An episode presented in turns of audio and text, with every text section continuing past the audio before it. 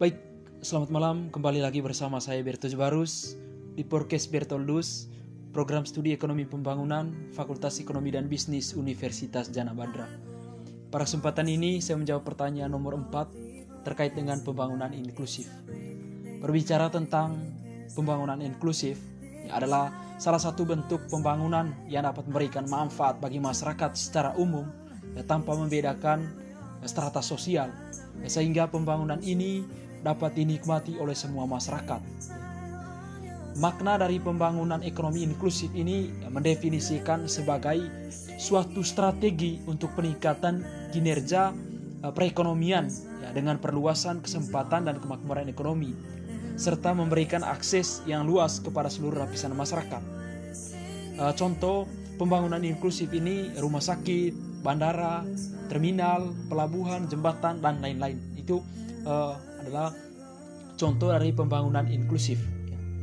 Lalu uh, ya mengapa ya perlu pembangunan ekonomi inklusif? Ya tujuan utama dari pembangunan inklusif ini adalah uh, mengurangi jumlah penduduk yang miskin melalui kesempatan kerja, akses terhadap kesempatan ekonomi dan jaringan persamaan sosial. Ya, makanya itu adanya ya pembangunan inklusif ini atau ya. lalu uh, ada beberapa indikator-indikator pembangunan ekonomi inklusif. Uh, yang pertama itu uh, pertumbuhan PDB real per kapita, ya share manufaktur terhadap PDRB, dan yang terakhir itu rasio kredit perbankan terhadap PDRB nasional. Lalu yang pertama itu uh, pertumbuhan PDBR real per kapita ya merupakan uh, suatu ukuran pertumbuhan ekonomi individu secara rata-rata di suatu wilayah. Ya, semakin tinggi sebuah pertumbuhan ekonomi, semakin baik kesejahteraan individu. Lalu yang kedua itu share manufaktur terhadap PDBR, PDRB, ya adalah presentase porsi sektor manufaktur ya terhadap keseluruhan PDB. Industri manufaktur adalah uh, suatu kegiatan ekonomi yang terkait dengan ya mengubah suatu barang dasar ya secara mekanis atau dengan tangan ya sehingga menjadi barang jadi atau barang setengah jadi dan sifatnya itu lebih dekat kepada uh, pemakai yakin.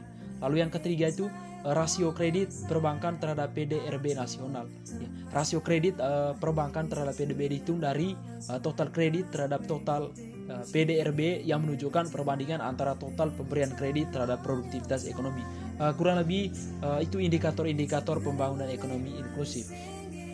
Lalu uh, ya, berbagai persoalan pembangunan ya, ya sampai saat ini yaitu rendahnya kualitas sumber daya manusia, maraknya kasus korupsi, rendahnya produktivitas tenaga kerja, dan lain-lain merupakan uh, cerminan dari buruknya institusi dan tata kelola yang ada di negara ini. Ya, terkait dengan upaya menerapkan strategi pertumbuhan yang inklusif, ya Indonesia itu perlu mengatasi masalah kurangnya kesempatan kerja, ya kurangnya akses terhadap kesempatan ekonomi, dan belum adanya jaringan pengaman sosial yang tidak memadai.